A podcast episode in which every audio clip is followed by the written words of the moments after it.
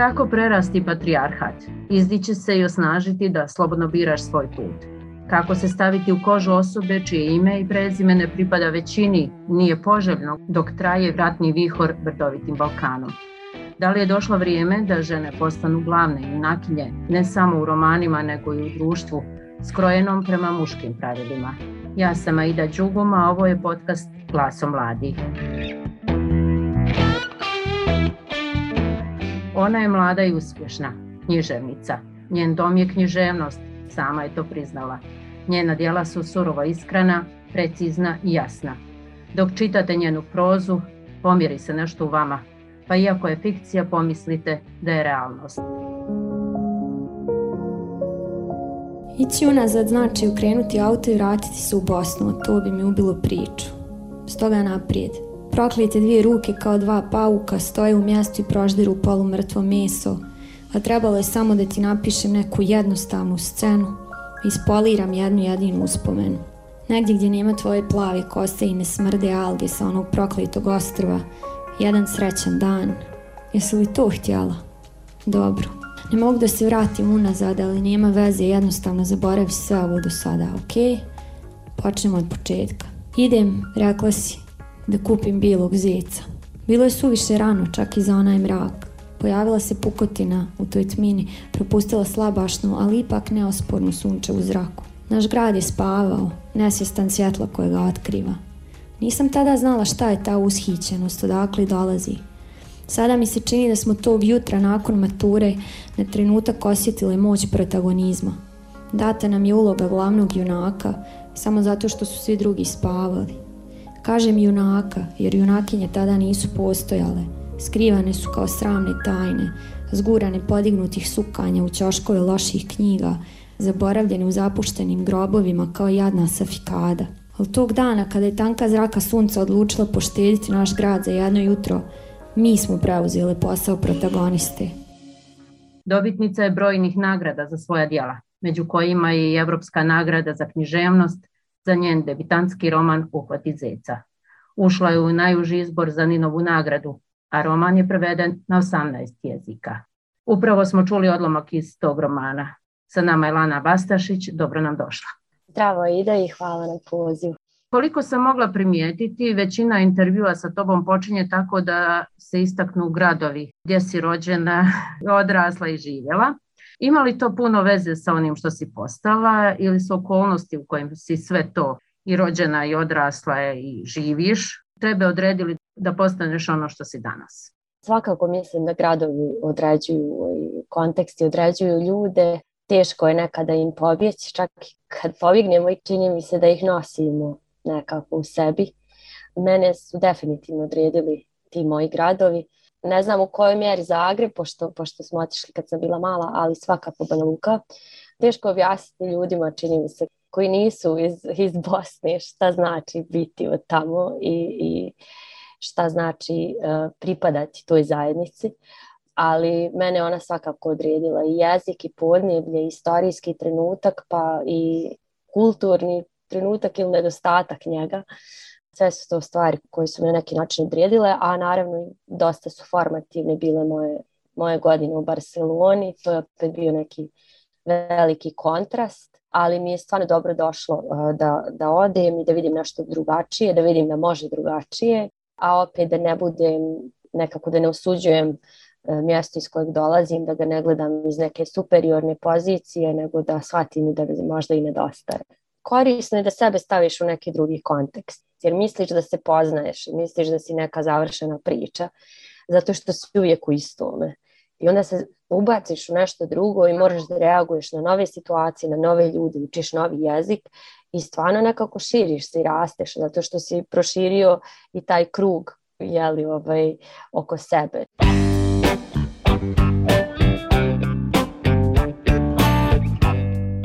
Prozu nazivaju feminističkom, između ostalog. Koliko je važno, posebno na ovim našim prostorima, da se progovori o položaju koji žena ima u društvu? Tužno mi je što još uvijek e, moramo da pričamo o tome da je to važno, ali prosto živimo ovaj, na mjestu i u vremenu gdje, gdje se to događa. Dešava se neka revolucija. Čini mi se, nešto se pomira i odlučila sam u posljednje vrijeme da budem optimistična, da ne bude da stalno, ovaj, da stalno kritikujem, da se stalno žalim, iako ima dosta toga što možemo da kritikujemo. Vidim da žene ustaju, da progovaraju, da um, je nekako sve više tih naših saučisnica i saborkinja. Moje pisanje ono nije političko u smislu da ja sjedam s tom mišlju da ću da pišem angažovano, nego prosto pišem o ženama i pišem na način koji je meni iskren. Uh, I samim tim to je nešto drugačije, jer uh, toga, sada toga ima više, ali nekada toga nije bilo. I samim tim što neke od nas biraju put književnice, to je već samo po sebi neka mala ludost, jer, uh, jer nismo baš imali uzore kod nas, nismo ovaj, nije bilo književnica, nisu dolazile u škole da, da, da nam ove čitaju, nije ih bilo u čitankama. Kakve su osobine e, glavnih junakinja našeg doba? To je dosta, dosta dobro pitanje. Pa ono što se meni dopada jeste da ne možemo da istrpamo u jedan koš. Ima nas najrazličitih. Gotovo svakodnevno upoznajem nevjerovatne žene. Juče sam silom prilika uh, preko telefona upoznala ja sam Miloš Banić i onako sam imala sam jedan meltdown. Ono kad si neči veliki fan i misliš da ćeš da budeš cool kad, kad ga upoznaš a zapravo se samo onako rastopiš. I, i ona isto bila divna prema meni. Hoću da kažem konstantno su tu neke snažne žene. Tako da ovaj, sviđa mi se to što više nismo ne, nije nas moguće objasniti jednom rečenicom strpati nas u jedan koš uh, kao što je to do sada uh, bio slučaj Da, da, bili su neki stereotipi, neki obrazci kako žena treba da izgleda, kako da se ponaša, kako Je, da, da razmišlja, šta treba da želi, čemu treba da teži. Da, čak, čak i unutar feminizma uh, su, su postojali neki obrazci, mislim, u smislu da uh, sam ja kada sam počinjala da se bavim ovim poslom, nekako sam smatrala da moram svoju ženstvenost da da ugasim, da utišam. Dakle, ako imam neko čitanje, ne smijem da se šminkam, ne smijem da, ne, smijem da nalakiram nokte, ne smijem da obučem haljinu. Drugim riječima treba da izgledam što bliže kao muškarac što mogu. I, da, i što, pa da biste ozbiljnije da. shvatili da bi pravo fokus usresredili kao onome što radiš, šta govoriš, yes. a ne kako izgledaš. Onda zapravo ovaj, učestvuješ, nažalost, uh, učestvuješ u tom u kreiranju tog stava da je ženstvenost jest jednako glupost i trivialnost i da ne može znači, zajedno da idu ta neka e, estetska, jel, šta god to značilo, ženstvenost, kako god je mi danas shvatali, i pamet. Uh, I ono što ja vidim danas jeste da se i to mijenja, u smislu da mi imamo pravo da budemo kakve god želimo. Dakle, ako nećemo da se brijemo, ne moramo da se brijemo ako hoćemo da budemo izdepilirani od glave do pete i to je u redu. A to opet ne služi da se diskredituje naša sposobnost u poslovnom nekom planu. Možda, a i ovo sljedeće pitanje koje namjeravam da postavim jeste u skladu sa tim, ali mislim da ovo što sam se govorila možda u, u jednom segmentu društva, ne u cijelom. Uh -huh. Uh -huh. Kad govorim na društvo, mislim na ove naše balkanske zemlje, ne mislim Apsolutno, na, zapad, da. na razvijene zemlje.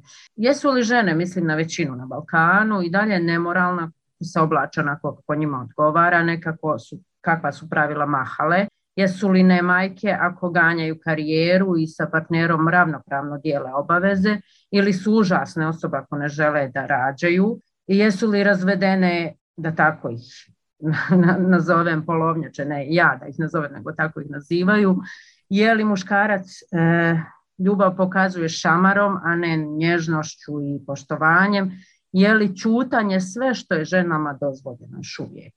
A etiketa ima bezbroj kao i tumačenja, toliko da se stomak ono, zgrči. Priče o kojima pišeš ukazuju na sve ovo na šta sam ja, šta sam ja ovo izdvojila.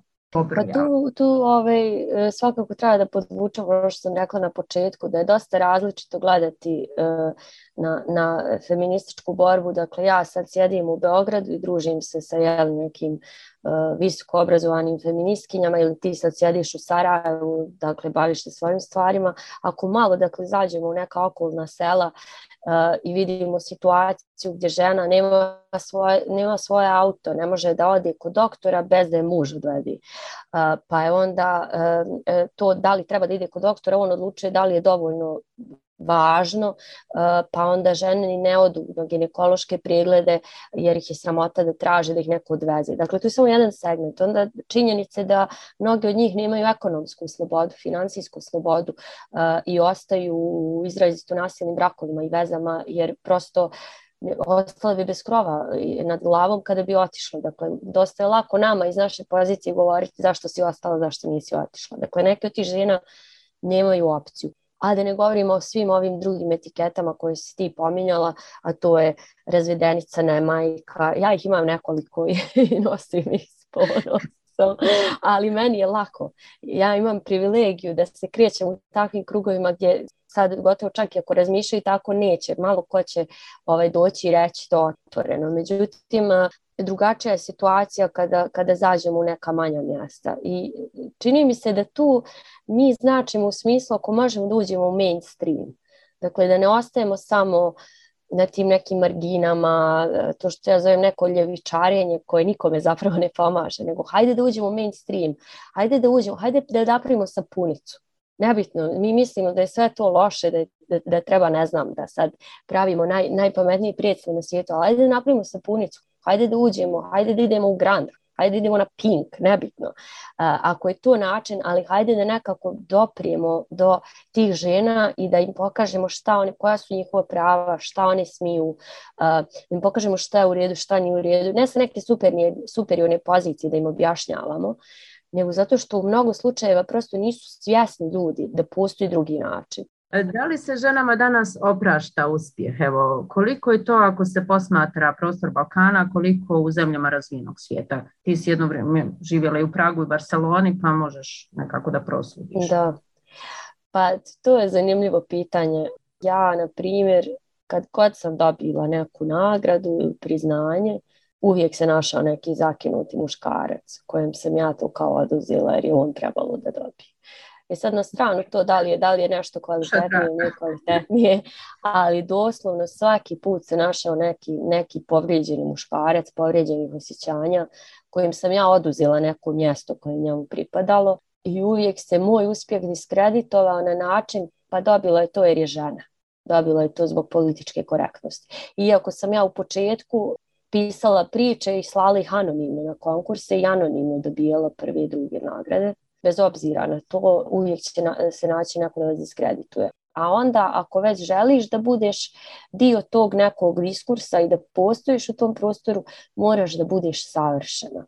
Tvoja knjiga mora da bude remek djelo. Ne oprašta nam se nikakva manjkavost, aljkavost, ništa. Dakle, nemamo pravo na osrednje knjige, jer onda sve što dobijemo nekako je nezasluženo. Pritom, naravno, oni imaju pravo da pišu i dobre i loše i odlične. Kao i svaki pisac ili spisateljica, normalno je da, da nećeš konstantno biti na ono, davati svoj maksimum. Imaš taj put gdje napišeš nešto bolje, nešto loše pa učiš, pa se razvijaš, pa ideš tamo, pa ne ide, pa ideš negdje drugi. Nama se to mnogo manje oprašta. Uh, čini mi se da nijedna, zaista ne samo ja, ali nijedna žena nije ovaj, u posljednje vrijeme da je dobila neku nagradu, a da nije bio neki komentar diskreditujući. Međutim, ja sam nekako uvidjela umjesto da čekam da me prihvate u taj svoj krug i umjesto da čekam da ja njima dokazujem kako ja zaslužujem mjesto koje je možda jedno ili dva mjesta od njih 50 u njihovom kanonu, u njihovom svijetu, puno je važnije da ja sama ganjam neki svoj put, idem svojim putem. Ja sam to na kraju krajeva i radila i stvarno mislim, nema toliko veze sa kvalitetom, naravno važno je, ali ima veze s tim kojim putem ćeš ići. Jer čini mi se da sam čekala da, da mi oni nešto ponude, da me prihvate, da me nagrade. Pitanje da li bi mi se desio ovaj uspjeh.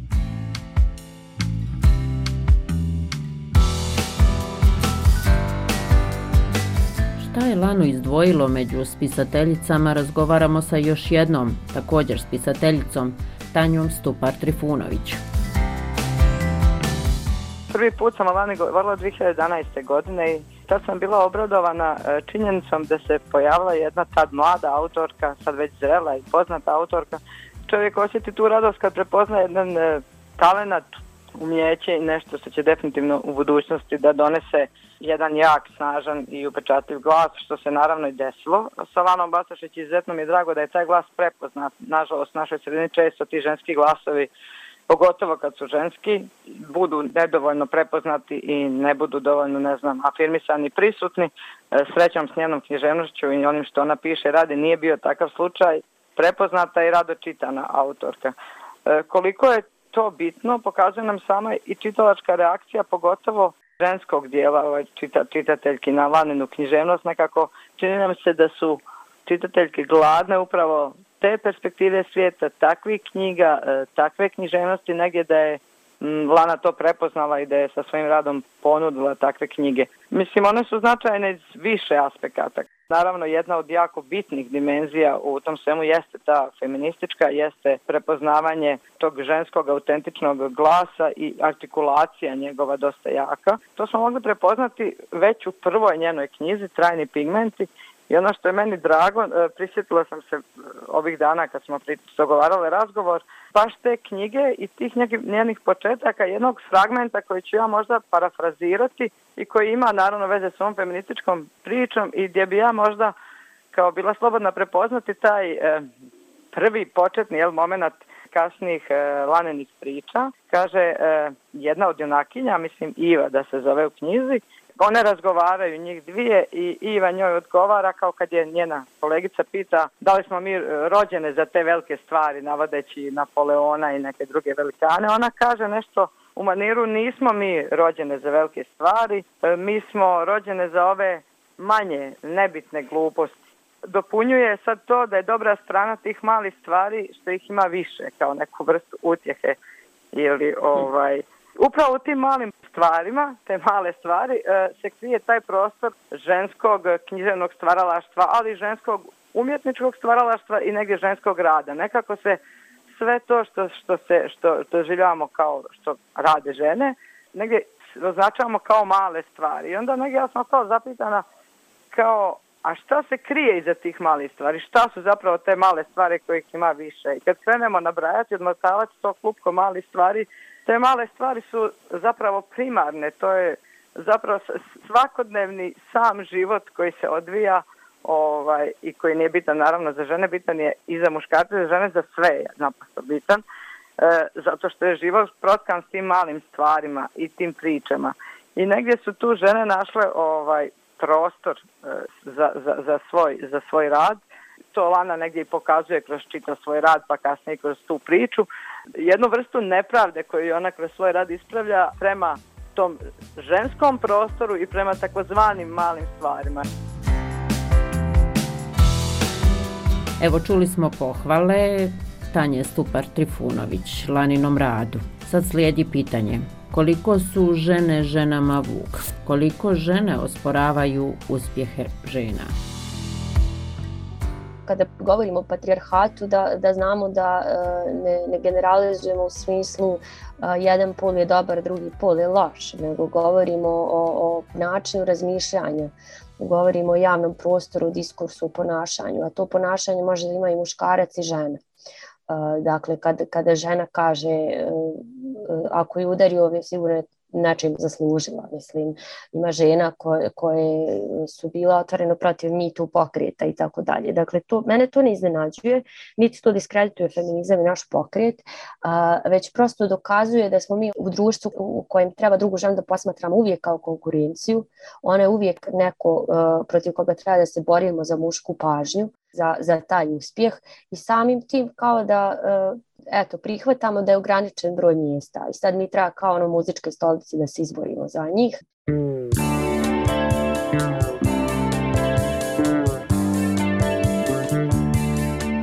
Za roman Uhvati zeca, urednik u Bajbuku i književnik Faruk Šehić napisao je e, priča je to o nestajanju ljudi pogrešnog imena i prezimena u Banja Luci tokom rata 1992. i 1995.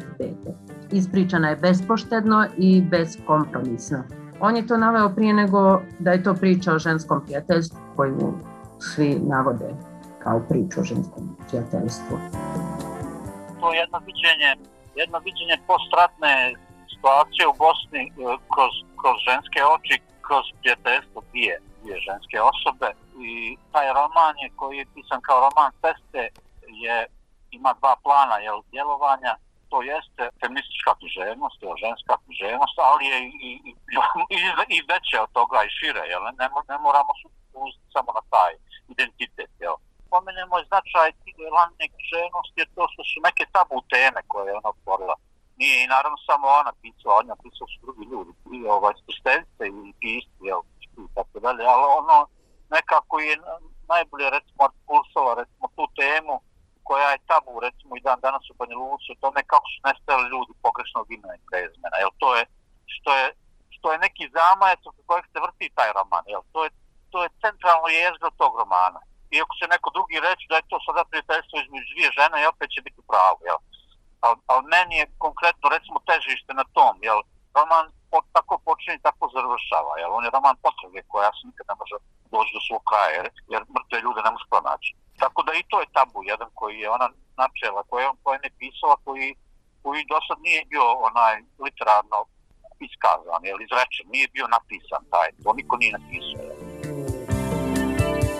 Koliko je važno da se govori o tom periodu, periodu rata e, na Balkanu u Bosni, iako većina mladih nije ni bila rođena tada, a posljedica, boga mi, teret 90-ih, željeli to mi ili ne, mladi nose i danas. Da.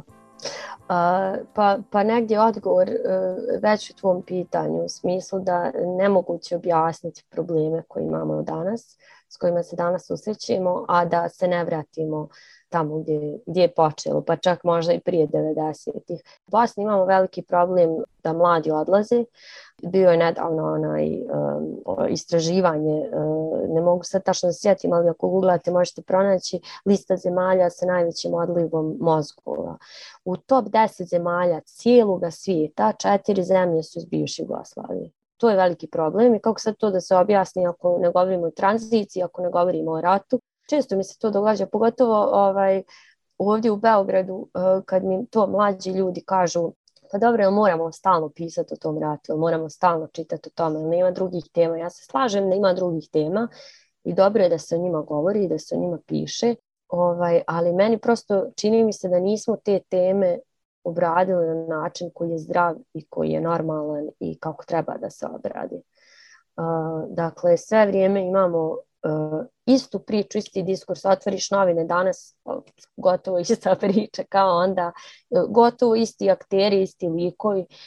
Dakle, ja ovdje u Beogradu sad kad prošetam, odim do prodavnice i vidim Ratko Mladić, heroj, tu je napisao neki klinac koji nema pojma o čemu govori, ali tu, tu stoji.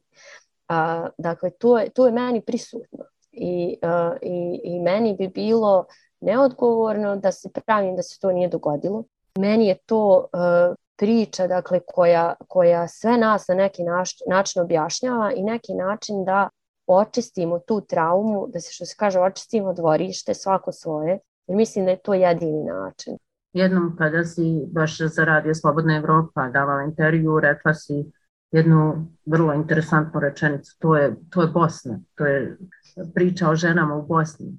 Bosna je ženskog roda. Ja sam nekako htjela da pokažem kako i ta zemlja je isto tako od svih tih muških priča, muških mitova izranjavana, isjeckana, promijenjena i obično su žene te takođe koje su najviše patile, sve te majke koje su izgubile djecu, sinove, sve te žene koje su ostale same s djecom da ih odgajaju, mislim, da ne pričamo o silovanim ženama, o ženskom tijelu, Dakle, u tom smislu je, je, je meni nekako ta teritorija propatila jednako koliko, i, jednako koliko i žensko tijelo.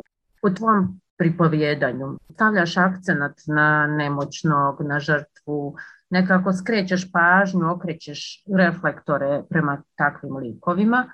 Zašto? Je li to tvoja neka unutrašnja potreba da im daš prostor, da ukažeš na nepravdu Pa ja uvijek pristupam pisanju prvenstveno iz, iz, iz neke književne vizure u smislu da razmišljam e, o, o likovima, razmišljam o motivaciji, razmišljam o, o svim onim tehnikalijama, o, o e, tome iz koje perspektive ću nešto da ispričam, kojim jezikom, u kom vremenu, kojim dijalektom.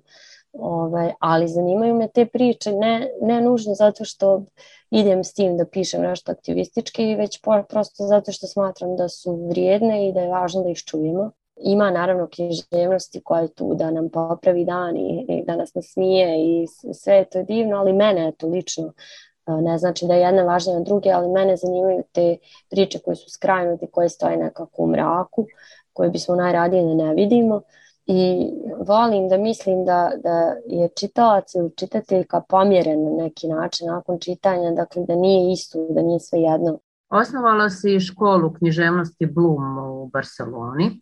Šta misliš koliko književnost oblikuje mlade ljude, koliko ih vaspitava, odgaja?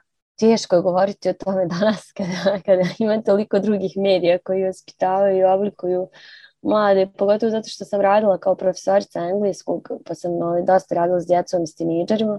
Ovaj, I definitivno je taj telefon u njihovim rukama ovaj, jedno malo božanstvo s kojim više ne možemo da se nadmećemo, ali čitaju, mislim, ta ideja da se čita manje nego nekad uopšte nije tašna. Zapravo neka istraživanja američka pokazuju da mladi čitaju više, dakle ova generacija Z ili kako se zove Gen Z, ovaj, čitaju više nego njihovi roditelji. Sad pitanje je šta čitaju, ali, ali ipak vuče ih, vuku ih priče i vuče ih uh, taj ali neki drugi svijet.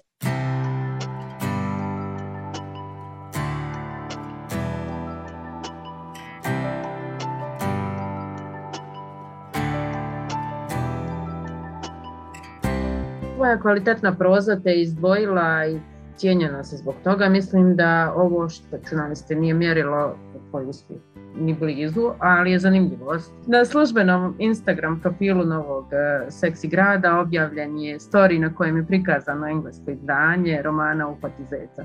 Kako ti gledaš na sve to? Stvarno je bilo neobično, mislim, ali stvarno sad svima ono koji slušaju, prosto zamislite sami vi da se probudite i da vidite da vas je pomenuo na Instagramu neko poznat. Znači isto, ništa, ništa drugačije ovaj, nisam reagovala nego što bilo ko od vas reagovao. Prvo naravno sam pomislila ovaj, neka je šala u pitanju, neko me zeza od mojih prijatelja. Onda sam kontaktirala svog izdavača američkog, svoj njima isto, ovaj, to bila novost. E, tako da uopšte ne znam odakle je to došlo. Meni je naravno drago mi je jer, jer je to podiglo i popularnost i došlo je do novih čitalaca i ljudi su se eto zainteresovali opet, a knjiga je objavljena prije četiri godine, tako da uvijek dobro da, da traje ta zainteresovanost.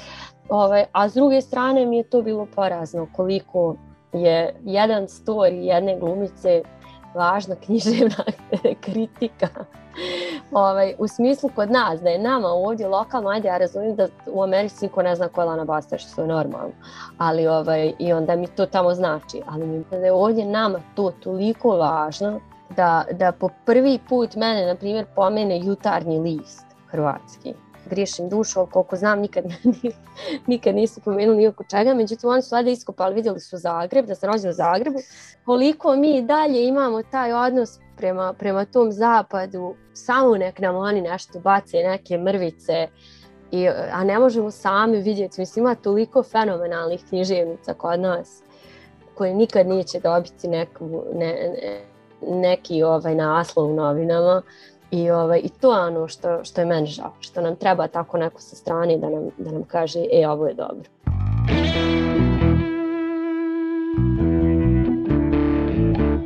Dobro je naravno, jer marginalci, a i oni koji su godinama imali sporedne uloge sada izbijaju u prvi plan. Bila je to Lana Bastašić u podcastu Glasom mladih.